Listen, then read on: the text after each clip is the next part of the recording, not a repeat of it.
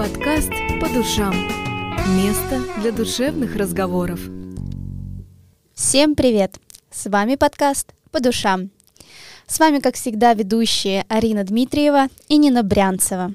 Сегодня мы хотели бы обсудить с вами очень важную тему — отношения с близкими — да, часто случается так, что мнения родных кардинально отличаются и совсем даже не имеют общих точек соприкосновения. А как же в таких ситуациях быть, как избегать ненужных конфликтов? Вот с этой темой нам сегодня поможет разобраться клинический психолог и участник проекта «Без тревог» Виола Талдыкина. Привет, Виола. Всем привет. Тема реально классная и интересная. Мне кажется, она интересна для каждого человека. Может быть, вы, девчонки, сталкивались с такими ситуациями в своей жизни? Ой, ну в последнее время, кстати, мне кажется, все сталкивались с такими ситуациями вот в свете последних событий. А, ну, лично я, наверное, все-таки не сталкивалась. А мои знакомые, мои друзья мне рассказывали много историй, когда ну, буквально семьи рушатся из-за того, что люди просто имеют разные точки зрения на какие-то вещи. Но если мы говорим не только о нынешних событиях, мне кажется, каждый человек, ну, особенно в подростковый период, сталкивался с тем, что нет понимания между родителем и ребенком. Mm-hmm. Потому что, во-первых, времена разные, да, были, когда мама или папа были ребенком, или через 15 лет. Mm-hmm. Поэтому, кажется, в той или иной степени с такой ситуацией сталкивался каждый человек. Угу, просто, наверное, камень э, преткновения был разный, да, да, а да, ситуация да. одна и та же. То есть э, либо это, не знаю, мнение по поводу того, стоит делать татуировку или нет, либо это мнение о том, прав кто-то в этой конфликтной ситуации или не прав, ну и можно перечислять до бесконечности. Как бы проблема одна — это именно взаимопонимание, наверное, какое-то. Виола, к тебе вообще часто обращаются с проблемой вот недопонимания в каких-то конфликтных ситуациях? Да, безусловно, я работаю с отношениями между родителями и детьми, и это одна из ведущих тем, в Но... том числе сейчас. А, а, это также нас затрагивает, потому что я со стороны участника этого конфликта, поэтому, безусловно, эта тема меня трогает и лично, мои личные отношения с родителями тоже застронул. Ну да, сейчас прям очень остро стоит вот эта вот граница непонимания куда вообще можно двигаться, mm-hmm. что о чем вообще можно говорить, о чем нельзя говорить, где вообще лучше прекратить на какой-то период общения, и очень много вопросов возникает. Ну вот да, например, вот позиция насколько хороша, поберегу нервы, не буду ни с кем ругаться, вот помолчу. Она вообще правильная? Ведь если вот молча злиться на близких, э, на их позицию, на их, на их взгляды какие-то, мы вряд ли улучшим какие-то отношения с ними. Мы просто закроемся в себе и будем вот молча злиться. Или же нет, или же вот э, позиция Надо не буду так... ничего говорить, это нормально. Да. Как ты считаешь? Но здесь однозначно ответить сложно, угу. потому что как замалчивание злости, так и чрезмерная ее трансляция, она имеет ряд последствий. Ну, например, если замалчивать, это может привести к каким-то соматическим проявлениям, телесным угу. откликам. А если чрезмерно транслировать, то это могут быть различные аффекты или психодинамика, то есть когда мы уже выливаем кучу эмоций на своих близких, и, и так сложные отношения еще более усложняются. Угу. Поэтому ну вот важно отталкиваться, наверное, от цели. Если отношения очень напряжены, то тогда, наверное, стоит помолчать, особенно если с эмоциональным интеллектом как-то худо, mm-hmm. и мы не умеем правильно транслировать свои эмоции, особенно эмоции злости, такая разрушающая большая эмоция, то лучше, наверное, поберечь нервы друг друга. Если мы говорим про политический аспект, mm-hmm. то здесь вообще надо, наверное, задуматься, стоит ли в это лезть, потому что есть американские исследования, которые подтверждают, что вообще изменить убеждения политические человека просто невозможно. Для того, чтобы как-то вот их пошатнуть, человек либо сам должен был размышлять об этом, либо у него должна быть готова к этому почва, либо же он сам должен столкнуться с чем-то со стороны власти, ну, с каким-то, возможно, негативным или позитивным ее проявлением. И тогда он может это убеждение свое как-то вот изменить. А, Ну, в целом, получается, все-таки, да, надо понимать, на каком э, уровне находятся ваши отношения, и уже отталкиваясь от этого, стоит понимать, могу ли я высказать сейчас свою точку зрения, либо я лучше промолчу, чтобы не сделать угу. ситуацию еще хуже. Да, стоит ли оно этого? Да, но там еще очень много что нужно подумать перед тем, как в это лезть.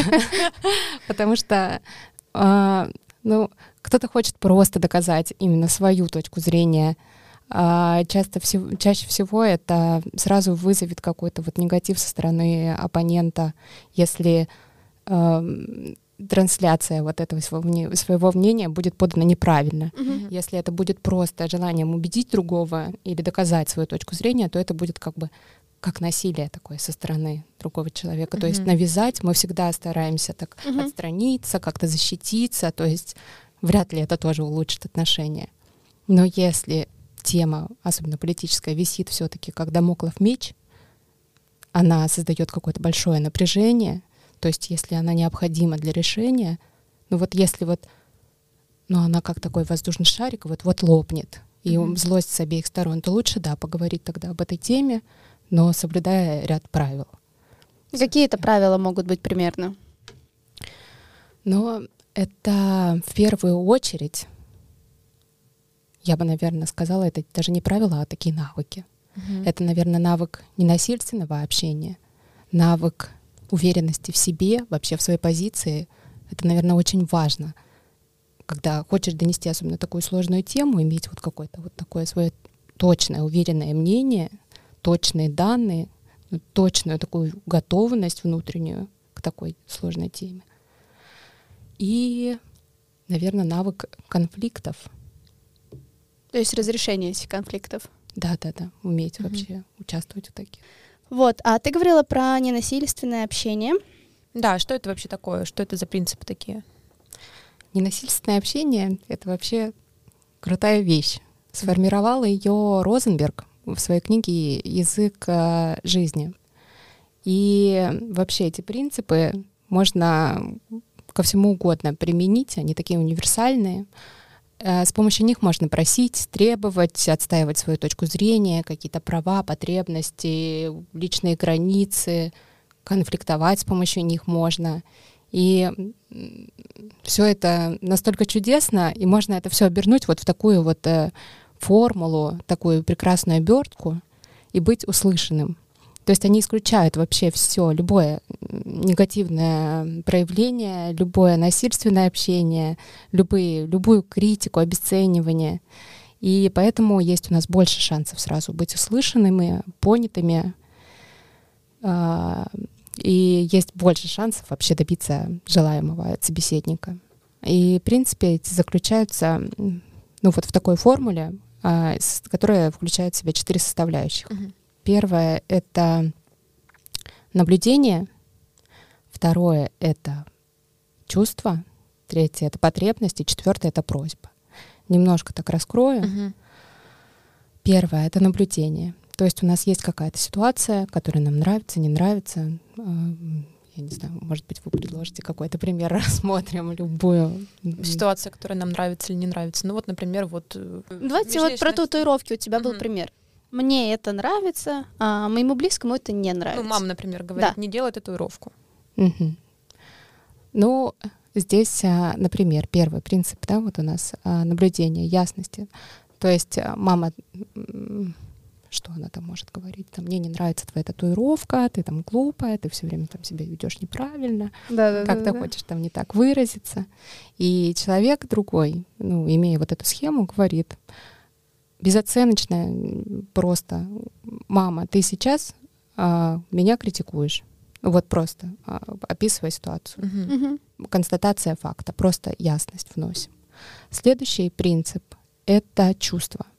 То есть у нас вообще одна из главных проблем в общении — это то, что мы не говорим о своих чувствах и не замечаем чувства другого человека.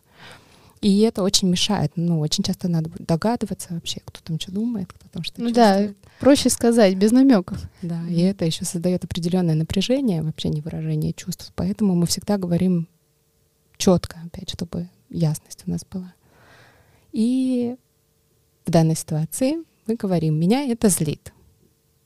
Ну, то есть тем самым mm-hmm. ты провоцируешь на конфликт. Но это вредит нашим mm-hmm. отношениям. Меня злит. Ну, либо задевает, либо обижает как-то, возможно. Да, любую эмоцию, mm-hmm. которая mm-hmm. может вообще грустно. Да, да, да. Того, что мама, этого хочется.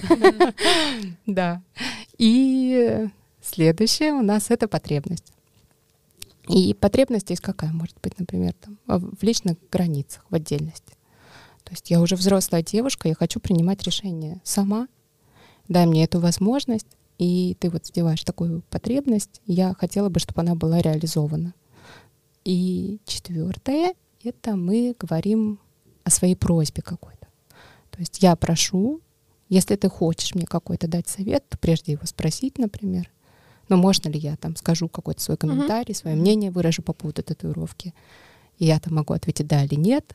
Если хочешь как-то повлиять на мое решение, ты тоже можешь предложить и тоже спросить и мы вместе обсудим, поговорим. Если ты боишься за мою безопасность, например, что там как-то можешь травмировать или занести какую-то инфекцию, то ты тоже можешь выразить свою тревогу, но прежде спросить. Ну, то есть, чтобы человек вообще понял, как он может действовать и как он выразить может свою какую-то мысль, тревогу, идею так, чтобы вам было комфортно, и вы могли найти какие-то точки соприкосновения. Угу. На самом Это деле, интересно. Да, в этом прям есть смысл. Просто, скорее всего, никто не задумывается так вот об этом, не раскладывает по полочкам, прежде чем начать конфликтовать, а, а зря. Ну да, но единственный у меня вопрос возник, а что если человек, э, твой, получается, оппонент, с кем ты разговариваешь, он продолжает, ну то есть ты первый раз сказал, ты меня критикуешь, меня это злит. А, человек продолжает это делать, продолжает его критиковать, Типа, да как ты можешь со мной так разговаривать? А, я мать, я имею право. И как дальше вести диалог? Тут сработает ли эта схема? Вообще такой диалог лучше начинать в спокойной беседе. То есть если уже сейчас в данный момент происходит какая-то конфликтная mm-hmm. ситуация, уже есть какая-то агрессия, то люди за агрессией друг друга не видят. Они уже просто mm-hmm. видят образ врага какого-то, от которого надо защититься, на которого надо напасть, доказать что-то. То есть можно отложить этот разговор на более спокойное время, когда все находятся в ровном состоянии, и просто упомянуть. Вот помнишь, ты вчера мне сказала то-то и то-то давай это обсудим, пригласить к беседе. И в момент, когда уже мама начинает критиковать, можно защитить свои личные границы. Например, пресечь, как-то отстоять себя, можно вообще уйти, не обязательно выслушивать mm-hmm. это все. Но тут уже другая будет схема. Тут просто надо будет защититься и уйти. И уже когда будет безопасно, возвращаться к диалогу. Mm-hmm. Mm-hmm. И так в целом, мне кажется, должно работать э, с любыми темами, не только родители, ребенок, а в любой непонятной ситуации, когда возникает любая конфликтная ситуация, даже на почве политики. Я надеюсь, что наши слушатели возьмут этот совет себе на заметку и приобретут себе такой навык, как э, ненасильственное, ненасильственное общение. общение, да. Мне кажется, это очень классная вещь. Слушай, еще про такое правило слышала, как не обсуждаем политику дома. То есть это вот такое табу, это сохранит отношения в семье, или ее все-таки можно обсуждать, ну, там, соблюдая какие-то определенные правила, ну, там, не выходить из себя, например, как-то вот эти вот ненасильственные общения. Либо стоит, может быть, эту тему просто сказать, что все. В доме без политики. Да, да, если какие-то такие острые моменты, просто запретить ее и все. Да вообще существуют такие темы табу, на mm-hmm. которые говорить нежелательно. Они затрагивают глубокие убеждения, экзистенциальные такие всякие убеждения. Одна из них политика, еще это, например, вопрос религии тоже mm-hmm. к этому относится. Mm-hmm. Очень сложно как-то говорить об этом. Ну, то есть mm-hmm. они настолько глубоко, что как-то вот достучаться до другого сложно. Поэтому, если есть возможность, то, конечно, лучше избегать этих тем. Если хочется поговорить, то можно поговорить, соблюдая ряд определенных правил. Да, вот можно. Э, ненасильственное общение — это как раз одно из них. Но можно еще есть такая классная книга, наверное. Это «Трудные разговоры» называется.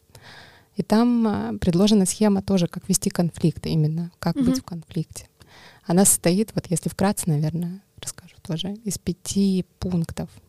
Первое — это мы, когда конфликтуем, надо определиться вообще с общей целью. Ну, для чего я вообще конфликтую, что я хочу добиться от конфликта. Что То есть хочу. договориться с самим собой? Да, Так, вообще зачем? понять, зачем, Мгм. да. Что я хочу от другого, что, что я хочу по- получить, Мгм. к чему я хочу прийти. Вот первые такие мысли, решить это все. А второе, мы приглашаем собеседника к участию в конфликте. Секундочку, мы сейчас с тобой будем конфликтовать. Как на дуэль прям. поговорим, да, давай поговорим. Второе — это мы вообще в нашем разговоре всегда следим за безопасностью, потому что, вот, я уже говорила ранее, за агрессию, за злостью, за любым ощущением небезопасности мы сразу схлапываемся, сразу ощущаемся, мы уже другого опять не слышим, мы уже думаем только о себе, а нам это не нужно, нам нужно, чтобы нас услышали. Мгм.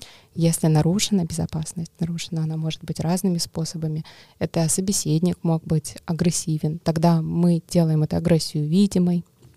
Мгм. Возможно, он извинится, или это снизит градус общи- э, напряжения.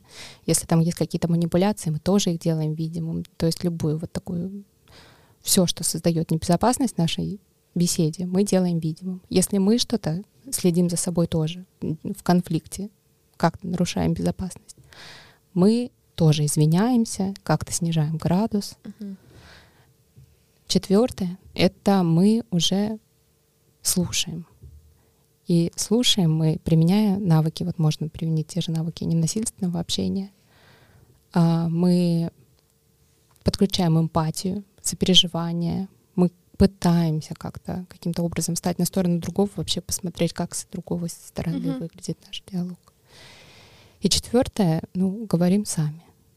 Если мы чувствуем, что что-то не так у нас, если мы как-то вот чрезмерно переполнены какими-то странными эмоциями, возможно, это злость, вина, страх, мы задаем себе вопросы вообще, как я ощущаю себя в этой беседе, что сейчас происходит. Может быть, мы чрезмерно другого наделили какими-то негативными качествами, а точно ли он плохой? Ну, Только мы близкие люди, мы всегда хорошо дружили, а теперь в конфликте я почему-то там его боюсь, допустим. И отвечаем себе в беседе на этот вопрос. Или почему я боюсь? Может, он на меня нападает, а если не нападает, значит, это я что-то так думаю тоже про него. Или у нас бывает такое ощущение уже, вот как будто ничего не хочу от этого диалога, все, пусть оно будет как будет, я доказывать ничего не хочу, хотя Мгм. предварительно я хотел как-то отстоять свою позицию. И тоже думаем, а правда ли я все сделал для этой беседы? Ну, как-то вот можно использовать еще вот такие трудные диалоги для обсуждения. Сделать, э, мне кажется, это рецепт, как э, сделать трудные ди- диалоги максимально простыми. В этом плане, что ты как бы... Ну, разговор — это вообще очень простая вещь. Ну, как ну, сказать? в том плане, что э, люди — это те существа планеты, которым дан язык для того, чтобы говорить, для того, чтобы обсуждать что-то. Мгм. И мы крайне редко, что ли, к этому э, инструменту приходим для решения таких проблем. Мы чаще, ну, как мне кажется, в обществе чаще язык используется для того, чтобы просто доказать свое мнение. А если бы мы каждый использовал вот эти вот правила, мне кажется, мир был бы просто прекрасен, он был бы счастлив, и никакой войне бы сейчас речи и не было. Ну да, если бы люди понимали других людей, Да. ставили себя на их место и так далее, да. Ну, можем помечтать. Можем начать с Помеч- себя. на- Можем... Начинаем, как всегда, с себя. Да, да. А, ты еще говорила про обесценивание чувств других. А, как понять, что мы своими действиями э, делаем это, мы обесцениваем чувства других? То есть все вокруг говорят, что это плохо, и это не надо так делать. Но при этом кажется, что ничего не меняется. То есть люди, возможно, даже и не, созда- не осознают, что они что-то там обесценивают, да, как так. Я так не делаю, да, допустим. И, ну, не, просто не замечает человек. Как понять, что ты это делаешь и, или говоришь что-то не так, что может ранить человека? Да, что это вообще такое? Обесценивание э, чувств других? Потому что это может быть такое какое-то понятие очень Растяжимое. растяжимое, да. То есть мама, может быть, сказала что-то э, резко, но она не считает, что она там что-то обесценила, она там, грубо говоря, защищает своего ребенка от татуировки условной. Вот, оказывается, она его ранила, оказывается, она там что-то ему не то сделала. Обесценивание — это про то, что мы не считаем эти чувства важными. Мгм. Ну, то есть мы как-то вот отмахиваемся от них, не замечаем или считаем их какими-то там неправильными, глупыми. А как отследить именно со своей точки зрения или, или ну, и Нет, сто, и сто, и, если... Ну, да, давайте начнем с того, что мы вот отследим, как нам самим, то есть мы начинаем опять же с себя, как нам самим не обесценивать э, чувство другого человека, как понять, что мы совершаем такую ошибку. Но обесценить можно, например, различными словами. Там, не бойся, ну вот тут прям не частичка такая, mm-hmm. ну то есть ты там боишься, а ты не бойся, то есть мы обесцениваем либо можно вообще не слушать другого, не воспринимать его как какого-то живого существа, как робота, просто ты, ты там не можешь как будто испытывать какую-то эмоцию и все.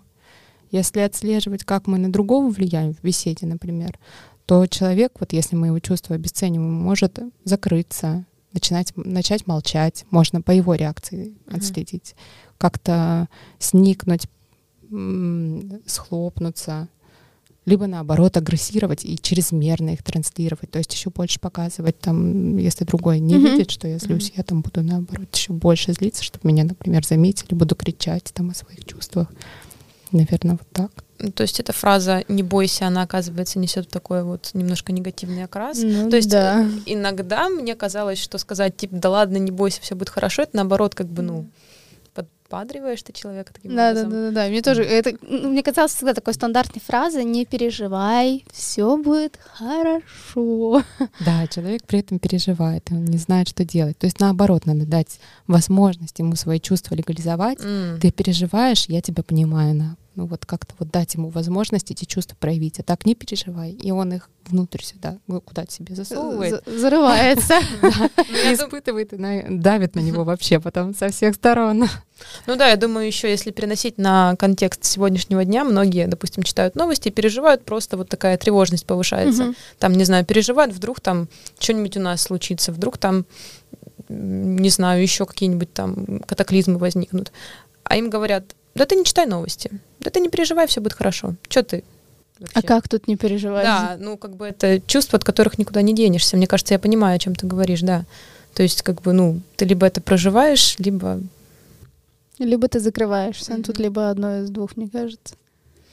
А как, если посмотреть с другой стороны, например, а, если человек, с которым я разговариваю, он обесценивает мои чувства, как ему дать понять, что он делает что-то не так. Ну, то есть показать какую-то границу, а не закрыться в себе, да, сказать, что, не знаю, что сказать мне ему, чтобы он меня не обесценил, да? Можно так и сказать, можно сделать А это не будет ли агрессии, провокации на конфликт? То есть если я скажу, грубо говоря, ты что сделаешь, мне сейчас было неприятно, это не вызовет дальнейшее развитие конфликта? Может вызвать, если это будет нападением. А mm-hmm. если это будет, ну, например, ты там какой-то такой, не такой, ты все делаешь неправильно, ты сейчас там заставляешь меня как-то так вот чувствовать, если это будет вот именно в контексте другого человека. Если вы будете говорить о себе, там, мне сейчас некомфортно, потому что я чувствую то-то, мне сейчас показалось, что ты обесцениваешь мои чувства, так ли это? И человек может сказать, да, нет, вы можете попросить как-то действовать иначе. И говорить о себе, мне бы хотелось вот я все равно чувствую эту эмоцию. Ну вот как бы говорить я сообщениями о uh-huh. себе, тогда вы никак не раните другого. Uh-huh. И никак не спровоцируете конфликт. Uh-huh. То есть не нападать, грубо говоря, на другого человека, а просто доносить какую-то информацию да, о себе. То есть мне сейчас некомфортно от того, что ты сказал, чтобы я не переживала, потому что я на самом деле переживаю, и слова «не переживай» мне сейчас не помогают. Мне нужно, чтобы ты просто побыл рядом, ну, грубо да, говоря. Отлично. Да. Молодец, Арина. Yes, урок выучен. Слушай, еще ты в самом начале разговора говорила о эмоциях злости и о том, что они тоже как-то провоцируют конфликт. Как с ними работать? Вот про работу над эмоциями. Можешь что-нибудь рассказать? Потому что мне кажется, что сейчас конфликты возникают именно из-за того, что вот эти вот эмоции какие-то, вот они льются через край, что люди не как-то не отдают себе отчет, что ли, не контролируют. Давать им всем быть вовремя и своевременно. Ну, то есть, опять же, вот не чрезмерно мы их не копим, не подавляем, mm-hmm. не как-то не вытесняем. Мы просто стараемся быть с ними в контакте, стараемся наблюдать, чувствовать, э, как-то их проживать правильно. То есть если мы чувствуем какую-то эмоцию, мы от нее не отталкиваемся. Ее не обязательно транслировать куда-то вовне, ее просто можно замечать для mm-hmm. самого себя. То есть нам вообще эмоции всем даны, как маячок какой-то, что с нами что-то не так.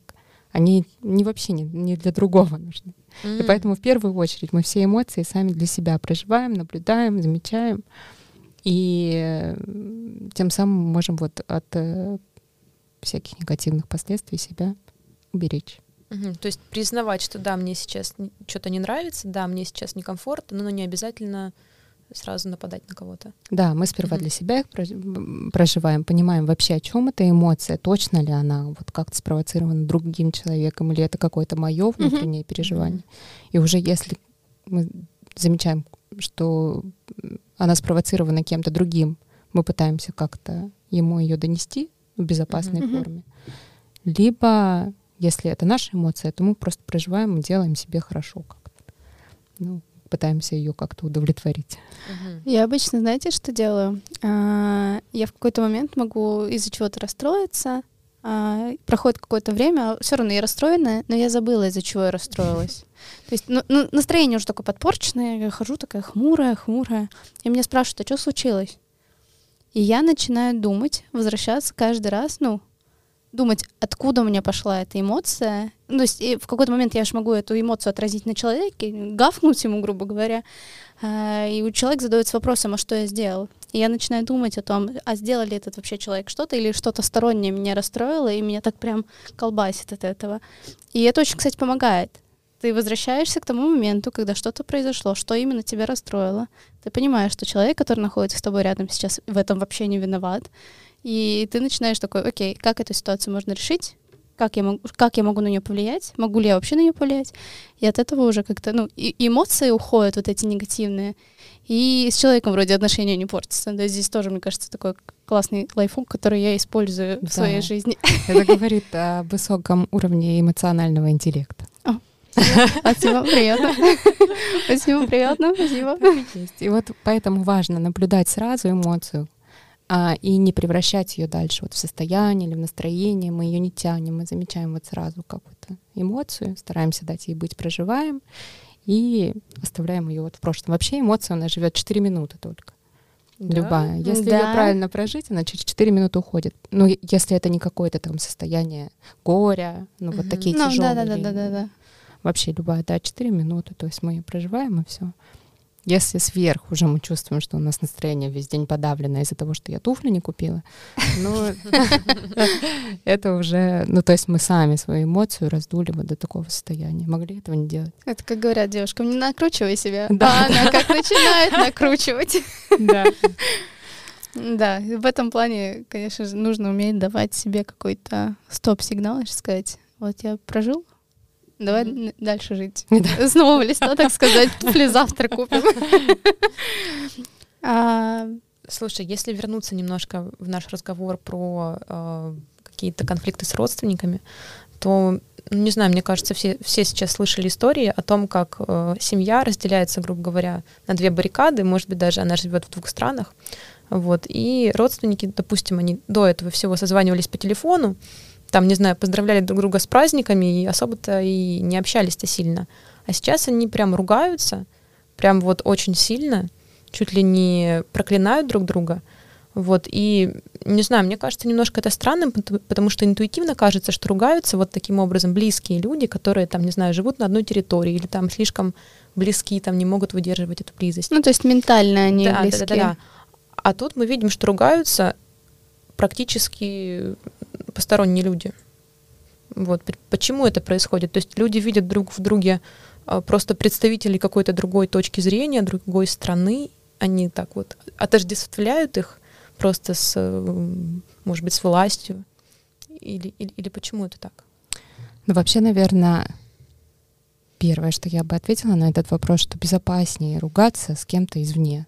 Ну, mm-hmm. то есть с родственниками мы еще подумаем, там стоит ругаться или нет. А вот там кто-то там где-то из другой страны, ну, наверное, там поругаемся и ладно. А причин вот э, таких, наверное, может быть несколько. У человека есть несколько защитных стратегий, которые он переживает в кризисе. Mm-hmm. Ну, может быть, вы о них знаете, они такие популярны. Это бей, беги, замри. И есть еще одна, э, она называется «Объединяйся в группы». Вообще человек — существо социальное, мы об этом говорили уже сегодня. Да-да-да. И ему важно объединиться в какую-то группу, он так чувствует себя в безопасности. То есть ему кажется, что его защищают, в том числе власть, и поэтому вот две такие полярности сейчас возникла, то есть две группы и такая пропасть между ними. То есть либо одно, либо другое, категоричность такая. Поэтому если ты где-то в другой стране, то ты априори-то плохой, у тебя там другое mm-hmm. мнение. Mm-hmm. И вот это вот как раз вот одна из защитных стратегий, которая называется вот «объединяйся в группы», она влияет на это. Еще вот стратегия «бей», она тоже вот про злость, и поэтому у кого она есть, они тоже проявляют много агрессии друг к другу. Еще зависит э, на такие настроения э, вот опять же эмоциональный интеллект и способность справляться с фрустрацией. То есть это вот различные такие несбывшиеся ожидания у человека. Если их чрезмерно много, таких фрустраций, там мы сейчас теряем очень много опор, вообще все mm-hmm. у нас теряется. И человек, который не способен с этой фрустрацией справиться, особенно. Причем она происходит с двух сторон. У, одной, у одной стороны сейчас там перекрыты все связи, все каналы, то есть они очень озлоблены по этому поводу. У другой еще сложнее все. Mm-hmm. Поэтому они злятся еще друг на друга за это. Да, они видят как бы представителей разных стран. Еще причиной, которая может влиять на такое, э, может быть э, в принципе защитная стратегия, агрессия. То есть люди по-разному в кризисе реагируют. А, и люди по-разному в кризисе проявляют себя. И вот одна из защитных стратегий, кто-то избегает, кто-то там забирает, а кто-то агрессирует. Ну вот а, Нина предположила, что все-таки сейчас больше ругаются, ну вот как бы совершенно чужие люди. Ну не совершенно чужие, ты естественно знал этого человека, угу но просто, возможно, это не те люди, с которыми вы живете 10 лет да, да, вместе. Да. Мне просто казалось, что наоборот, люди, которые близки, э, с ними легче поругаться. Наоборот, что типа с чужими мы держим какую-то дистанцию, нам как бы особо и не надо им ничего доказывать. То есть, я не знаю, у меня, допустим, всегда такое было, что я с э, чужим окружением, ну как, даже с друзьями особо не ругалась никогда. Но вот с мамой мне было проще, ну, то есть я проще всего проявляла свои эмоции. То есть если мне что-то не нравится, то я прям говорила, что мне это что-то яро не нравится, а мама мне говорила, да как так? Ну, то есть конфликт с мамой, он приходил легче, по того, что вот мы обе вы, вывели себя на эмоции, показали эти эмоции, успокоились, и через э, несколько минут вроде как уже все нормально. То есть мне казалось, что сейчас ругаются как раз-таки больше вот э, родные люди которые придерживаются разных э, точек зрения, у них разные э, ценности по жизни сейчас сформировались. Родные могут ругаться больше сейчас, потому что это может быть безопасным способом разрешения конфликтов. Вот вообще, в принципе, у родных очень много таких вот, у них слишком тесные отношения, и очень много других конфликтных ситуаций. Много кризисов бывает в отношениях. Uh-huh. И у них это все копится, копится, копится, и оно вот накопилось до этой точки, случилось вот это вот, что случилось. И разрешением, ну то есть безопасным способом решения всех предыдущих конфликтов, как будто бы является сейчас вот э, через вот конфликт военный это все решить. То есть угу. они туда все свои обиды, которые были, вложили mm. и переругались. Вот оно как. То есть на подмена понятий по факту это происходит. Да, по факту они ругаются mm. вообще, не знаю, из-за того, что они сына там по-разному воспитывают. А. Ого. Вот это сейчас большое открытие. Ну, на самом деле, вот эту проблему, мне кажется, реально решить, просто придя к психологу, возможно, проработав вот эти вот травмы, которые были до этого. Я правильно понимаю? То есть эту проблему решить проще, чем если бы это было реально основано на каких-то политических э, воззрениях. Да, но тут можно вообще задать себе вопрос, вот из, ну, важно ли отношения для человека или нет? И если они важны, то подумать, а действительно я конфликтую вообще по войне. Мне правда, вот это так нужно сейчас. Я хочу об этом ругаться, у нас чего общего, ничего нет больше. И mm-hmm. от этого отталкиваться. Если это просто какое-то стремление что-то доказать, ну, наверное, это не про войну. Ну, подумать, может, я просто хочу как-то вот отношения наши, чтобы больше, как-то ближе были. И тогда, может, там в кино сходить тогда, что-нибудь другое. У нас в Сталине есть прекрасная комната, где можно вы, выплеснуть свою агрессию, там да. э, битами поразбивать э, телевизоры старые, тарелки побить, еще в что-то. Тарту тоже такая штука есть, да. То есть, э, мне кажется, это отличный способ наладить отношения, когда все кипит. Ну, если проблема в этом, то да, идите прям вот сразу. А потом в тарелки. кино. А потом уже можно в кино насладиться романтикой. Да, мне кажется, этот подкаст наполнен э, очень классными советами, очень практичными и очень, ну, на первый взгляд, они простые. Главное сделать первый шаг, чтобы их начать использовать. А это самое сложное. То есть первый шаг, он самый сложный. И мне бы хотелось нашим слушателям пожелать как можно меньше конфликтов и как можно больше теплых душевных разговоров, разрешения недопониманий и разрешения этих э, конфликтов, чтобы каждый из нас умел использовать ненасильственное общение.